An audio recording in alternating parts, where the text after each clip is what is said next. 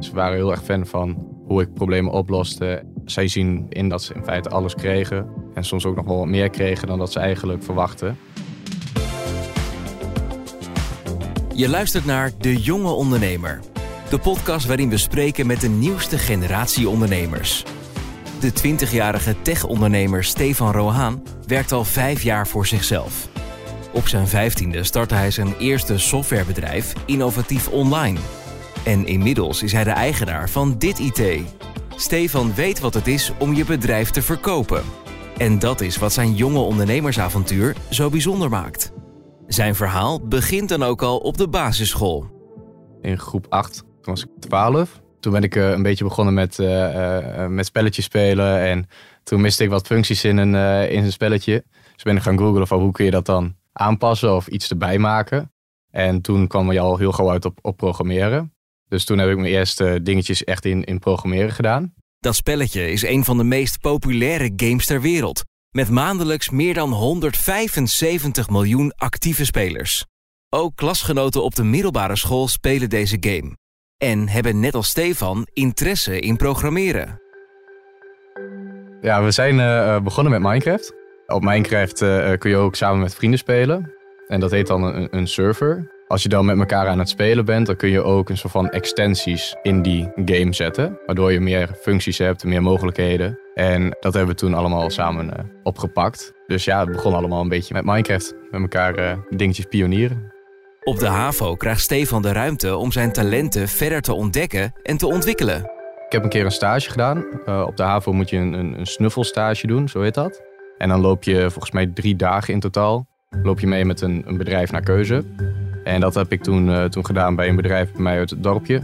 Dat is ook een, een softwarebedrijf. En dat vond ik natuurlijk uh, hartstikke interessant. Vervolgens kregen we een andere opdracht voor, voor school. Dan moesten we een, een app gaan maken. Nou, normaal gesproken doe je dat niet zo super intensief en, maak je iets en dat lever je op en dan krijg je een cijfer.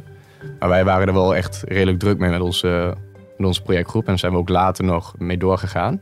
En die extra meters maken leveren hem veel op. Zijn schoolproject wordt begeleid door een mentor uit het bedrijfsleven. Die geeft Stefan een unieke kans om een eigen bedrijf op te richten. Ik ben op mijn vijftiende toen begonnen met, uh, met Innovatief Online. En dat was mijn eerste bedrijf. Met Innovatief Online had ik een klantenbestand overgekocht van een ander bedrijfje. En die oude directeur die had al een, een, een andere uitdaging. Dus die had in feite dat klantenbestandje uh, waar hij wel iets mee wou en mee kon. Maar hij had liever dat hij dat zo van naar iets anders kon doen. Waardoor hij zich kon focussen op een, uh, op een andere uitdaging. Dus toen uh, kwam het in feite heel goed uit dat hij mij leerde kennen. Want ik wou graag iets doen in de software. En ik wou graag een, een mooie start maken. En ja, 1 en 1 is 2. Toen kon ik dat klantenbestand overnemen. Of overkopen eigenlijk. En sindsdien was ik toen, toen gestart als ondernemer. Een klantenbestand met bestaande relaties in handen van een 15-jarige jongen. Dat is best bijzonder. Innovatief Online ontwikkelt websites en webshops. Heel veel mensen waren heel erg positief verrast. Ze wisten ook verder niet van mijn leeftijd, want dat leek me niet echt heel verstandig om er direct bij in te zetten. Maar ik heb een week later of twee weken later heb ik al die klanten stuk voor stuk opgebeld. En ben ik een week daarna ook bij die klanten langs geweest. Om het een beetje uit te leggen, om me voor te stellen. En um, dan, dan, gaat het in feite rollen. Dan kennen ze je en dan bellen ze je op voor, voor je vragen. Of als ze hun vragen hebben, noem ze maar op. Ja, dan gaat het eigenlijk wel vanzelf een beetje, een beetje lopen en rollen. Van een eenvoudige aanpassing op een website tot het ontwikkelen van een complexe app. Met 10 bestaande klanten begint Stefan te bouwen aan zijn bedrijf. Gaandeweg dan krijg je ook weer opdrachtjes via via. Dus een klant die kent iemand anders die een vraag heeft, die komt dan bij mij terecht en dan kan ik hem helpen. En heb je zo, zo krijg je dan een klein netwerkje van je klanten die dan een nieuwe klant gaan aanbrengen. Maar je krijgt ook natuurlijk opdrachten via een, een website als freelancer.nl of uh, gewoon mensen in de regio een keertje langs gaan vragen van kan ik misschien iets voor jullie betekenen ja, dan heb je verschillende maniertjes en dan krijg je wel wat extra klanten erbij. Vanaf het begin is er bij zijn klanten veel vertrouwen in het werk dat Stefan levert. Sterker nog, hij krijgt al snel een unieke kans aangeboden van een van zijn opdrachtgevers. Een van de opdrachtgevers, uh, daar werkten wij al heel lang voor. Uh, een jaar na oprichting zijn we de eerste opdracht voor hem, uh, voor hem gaan maken. Er waren een aantal, een aantal apps. ja, dat is twee jaar lang gewoon goed gegaan. Van beide kanten viel dat wel, wel prima. Uiteindelijk, na twee jaar, zei hij tegen mij van... Nou, vind je het misschien leuk om hier te komen werken? Dan koop ik jouw bedrijf op en dan kom je hier in dienst. Dus eigenlijk gaat dat heel erg gemakkelijk van... hey, ik wil jou graag hebben in mijn team en dan koop ik jouw bedrijf erbij over. Dat is dan interessant voor hun en dat zou dan ook interessant zijn voor mij. Je eigen bedrijf verkopen. En dan ook nog eens heel erg gemakkelijk. Dat lijkt bijna te mooi om waar te zijn. Hoe gaat zoiets nou in zijn werk? Dus dan kom je daar op kantoor en dan drink je wat en uh, ben je gewoon een beetje aan het praten. Uiteindelijk geeft hij aan dat hij mij graag wil hebben in zijn team en dat hij mijn bedrijf wil overkopen. En dan ga je naar de volgende stap. Dan ga je kijken of we dat allebei wel willen. Nou, in dat geval uh, beloofde hij redelijk mooie dingen en leek me dat ook wel leuk. Met een, uh, met een groot team erbij en ik kreeg daar een leuke functie. En uh, natuurlijk schuift het ook wat. Dus toen heb ik ervoor besloten om daarmee verder te gaan. En dan ga je verder kijken van, van wat zijn dan exact de, de details. Dus wanneer, wat precies, voor hoeveel geld ja, als dat ook is besloten en je bent er beide mee eens, dan stel je de, de juridische contracten op. Nou, dat heeft hij allemaal geregeld en laten doen. Dus daar had ik ook gelukkig geen, geen omkijken naar aan. En ja, dan, dan onderteken je het. Dan gaan alle klanten in feite, zoals ze naar mij toe gingen, gaan ze dan naar dat bedrijf toe. Dan zeg je van, hé, hey, Stefan, die, die is overgekocht, dus jullie krijgen nu ook een nieuw, nieuw aanspreekpunt. En als dat allemaal rond is, dan, ja, dan is het overgenomen. Maar voordat de handtekeningen worden gezet, moest Stefan natuurlijk ook zelf bepalen waarvoor hij zijn bedrijf wil verkopen. Hoe bepaal je dat op je zeventiende? Dat is een hele lastige. Ik heb toen een beetje gekeken naar, naar hoeveel ik toen verdiende en hoeveel het bedrijf dan waard zou zijn in mijn, uh, in mijn ogen. Gewoon volledig uh, financieel gericht natuurlijk. Wat komt er binnen per maand? wat verwacht ik dat er binnen gaat komen? En op basis van een inschatting heb ik toen gezegd van hey, ik wil dit bedrag hebben voor als je het wil overnemen. En dat uh, vond hij prima. Goede voorwaarden, auto van de zaak. Het klinkt aantrekkelijk. En zo wordt Stefan ineens werknemer. Maar al snel bleek dat dit geen succes was. Ik zat in totaal acht maanden in loondienst. Maar na een aantal maanden vond ik echt zo van het plezier uh, veel minder worden. Want je bent drie jaar ondernemer geweest en je had drie jaar gewoon alle vrijheid en ruimte om te doen wat je graag wil doen. Als je dan in loondienst gaat, dan gaat er natuurlijk wel een heel stuk weg. Het leuke klantcontact en een keer een kop koffie doen met iemand die je hier of daarvan kent. Ik heb zelf nog wel redelijk vaak een idee of een klant heeft een idee. Gaan we wat dingetjes maken en concepten uitwerken ja, daar krijg je daar gewoon de ruimte niet voor. En dat mis je, denk ik, heel erg als ondernemer zijn. Gewoon dat je de ideeën die je hebt iets verder wil uitwerken. En als je daar niet de, vrijheid en de ruimte voor, voor krijgt of hebt, dan ga je dat heel erg missen. En uiteindelijk is dat ook een beetje omgeslagen in een beetje frustratie. Waardoor je best wel graag weer ja, terug wilt, wil ik niet zeggen, maar waardoor je dat heel erg mist. Zaken doen is geven en nemen. Het kenmerkt Stefan dat hij ook als medewerker op deze manier te werk gaat. Hij wil op de best mogelijke manier afscheid nemen van zijn werkgever. Als je iets niet, uh, niet leuk vindt en iets niet, uh, niet graag doet, dan ben je er ook niet productief mee. En dan uh, kun je beter elkaar goed in de ogen aankijken en, en, zeggen waar het op slaat en dan verder gaan. Dan ja, met tegenzin daar gaan werken, want dat kost uiteindelijk, als je het financieel hebt, kost het alleen maar meer geld, denk ik.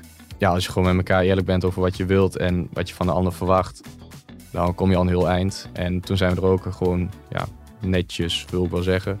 We zijn er ook gewoon uitgekomen. En het klantenbestand wat hij eerder nog verkocht, koopt hij nu weer terug. Die blijven Stefan dan ook trouw. Waar komt die loyaliteit vandaan? Ze waren heel erg fan van hoe ik problemen oploste en hoe ik hun altijd benaderde. En uh, ja, zij zien in dat ze bij mij gewoon prima op hun plek zaten en dat ze in feite alles kregen. En soms ook nog wel wat meer kregen dan dat ze eigenlijk verwachten. Plus, ze zijn al vanaf het begin bij mij. En ze hebben die hele tijd gewoon 0,0 problemen ervaren. En als er een probleem was, dan werd dat gewoon heel gauw opgelost door een van ons. Dan zit je eigenlijk al wel goed en zijn mensen heel erg blij dat ze in een stabiele omgeving zitten. En uh, waar het niet zomaar in één keer wijzigt. En dus gaat Stefan voor de tweede keer naar de Kamer van Koophandel om een bedrijf in te schrijven. Als hij 18 is, richt hij dit IT op. Nu zitten we vooral in de maatwerk, maatwerksoftware en in het hogere segment websites en webshops. Dus niet standaard een, een, een templateje in elkaar gooien, maar echt wel vanaf niks een hele website, webshop opbouwen. En dan de andere tak, dat is uh, procesoptimalisatie en digitalisatie. Waardoor ja, een, een soort van paperless office uh, ontstaat bij bedrijven. Procesoptimalisatie. Wat betekent dat dan precies? En wat is de impact van het werk dat Stefan samen met zijn onderaannemers verricht? We pakken eigenlijk een hap uit een bedrijf. En dat proces, dat pakken we dan op en dan pakken we dan vervolgens ook weer aan. Uh, we hadden laatst bijvoorbeeld een, een klant. En dat hele logistieke proces, daar maakten ze altijd uh, transportbonnen voor aan. Gewoon A4'tjes en die vullen ze dan met de hand in, met de pen. En dat hele proces is vervolgens door ons eerst gedigitaliseerd. Dus in een online omgeving. En nu krijgen ze een extra stap erbij, erbij achteraan. Waardoor ze met een app ook de vrachten kunnen wegen. En dan heb je dus zowel het logistieke proces als wat zou je moeten ophalen. Als de gedetailleerde gegevens die vervolgens ook weer terugkomen heb je allemaal in één mooie strakke omgeving waar je alle data, alle gegevens in hebt, uh, in hebt staan. Het ondernemen heeft volgens Stefan veel weg van programmeren. Het is echt een kwestie van doen. In feite, alles wat ik doe, dat kun je niet echt leren in, in de boeken. Als je van, van punt A naar punt B wil komen en je hebt een vraagstuk, en dat kan heel uiteenlopend zijn. Het kan niet voor een klant zijn, maar dat kan ook je belastingaangifte zijn, weet ik veel. Dus wat ik vaak doe, dat is gewoon beginnen en, en iets proberen. En uh, des te meer je, je verder komt in een project of in een vraagstuk, dan kom je er ook achter van hey, dit werkt wel en dit werkt niet. En uh, dat doe ik ook zo bijvoorbeeld bij, bij opdrachten. Als ik een opdracht binnenkrijg, dan gaat het eerst deze kant op. En dan merk ik dat dat niet goed werkt of niet lekker werkt. Dan ga ik weer een stapje terug en dan probeer ik een andere richting. En dat bedoel ik dan met trial and error. Je moet gewoon iets proberen. En als het dan lukt, dan ga je ermee door. Als het niet lukt, dan ga je ietsjes terug, neem je een andere afslag en dan ga je dat proberen. Ik ben niet iemand die, die houdt van heel veel uh, in de boeken zitten. In de praktijk leer je meer dan, dan in de boeken. Dus uh, ja, daar ben ik gewoon sowieso heel erg fan van om dingen te gaan proberen. En als het werkt, dan werkt het. En dan ga je ermee door. En als het niet werkt, dan werkt het niet. En dan ga je kijken hoe je dat anders moet gaan doen. Door trial and error krijgt Stefan loyale klanten. Pas als iets echt opgelost is, is het af. Het kenmerkt zijn succesverhaal. Maar wat is er volgens hem nou nog meer belangrijk in het runnen van je business? Je moet natuurlijk wel mensen kennen om producten te maken. Als je mensen niet kent, dan kun je zo goed zijn in programmeren als, als je wilt. Maar als je geen mensen kent om het te, te verkopen of om mee te sparen, dan kom je niet ver. Dus ja, netwerk is, is ongelooflijk belangrijk uh, als een ondernemer. Ik zit ook wel bij een, bij een businessclub bij, bij FC Twente. dat heet Talent Group Twente. En dat is een groep met heel veel heel veel jonge ondernemers, uh, maar ook accountmanagers, uh, maar ook wel directeuren van, van bedrijven. En dat is op zich wel heel erg, uh, heel erg chill. Dat is een groep van net onder de 300 man inmiddels. Als je een vraag hebt bijvoorbeeld, dan stuur je het in de appgroep en iedereen kent wel iemand die iets kan betekenen voor jou of voor jouw vraag.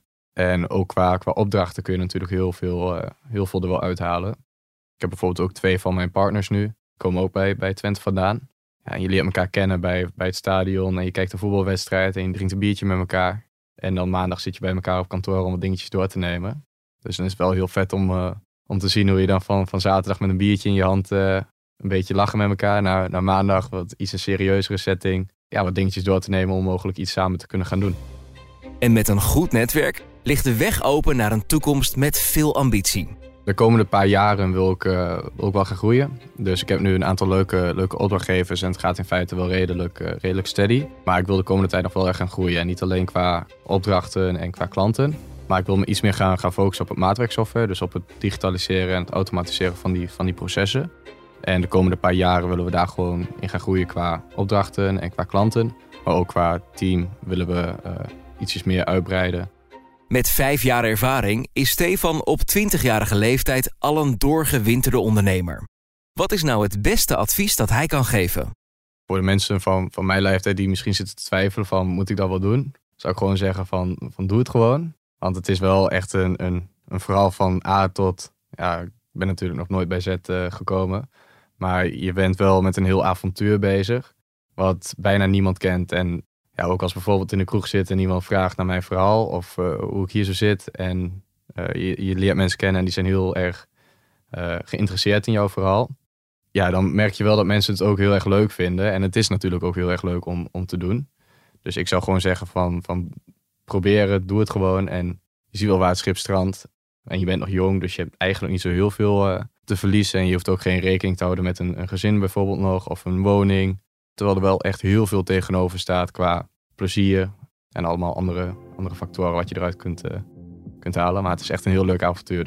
Net als de andere jonge ondernemers in deze serie is ook Stefan gericht op het tonen van lef. Dingen proberen. Trial and error om steeds een stapje verder te komen. Het is wel duidelijk dat hij zijn business naar een nog hoger niveau zal gaan tillen de komende jaren. In de volgende aflevering horen we het verhaal van Vlinder Kamerling, die samen met haar broer Merlijn het kledingmerk Limitless heeft opgericht. En dat is een merk met een missie. Ik denk dat ik ook het spannendste vind de balans vinden tussen de boodschap over te brengen en gewoon een goed merk opzetten. Je wil natuurlijk niet dat je de boodschap over mentale gezondheid gebruikt als een commercieel hulpmiddel of zo. Wil je deze aflevering niet missen? Abonneer je dan op deze show of laat een review achter in je favoriete podcast-app. De Jonge Ondernemer is ontwikkeld door De Ondernemer en podcastbureau As We Speak. Nog meer ondernemersinspiratie? Luister nu dan ook naar seizoen 2 van Droomstart. Tot de volgende.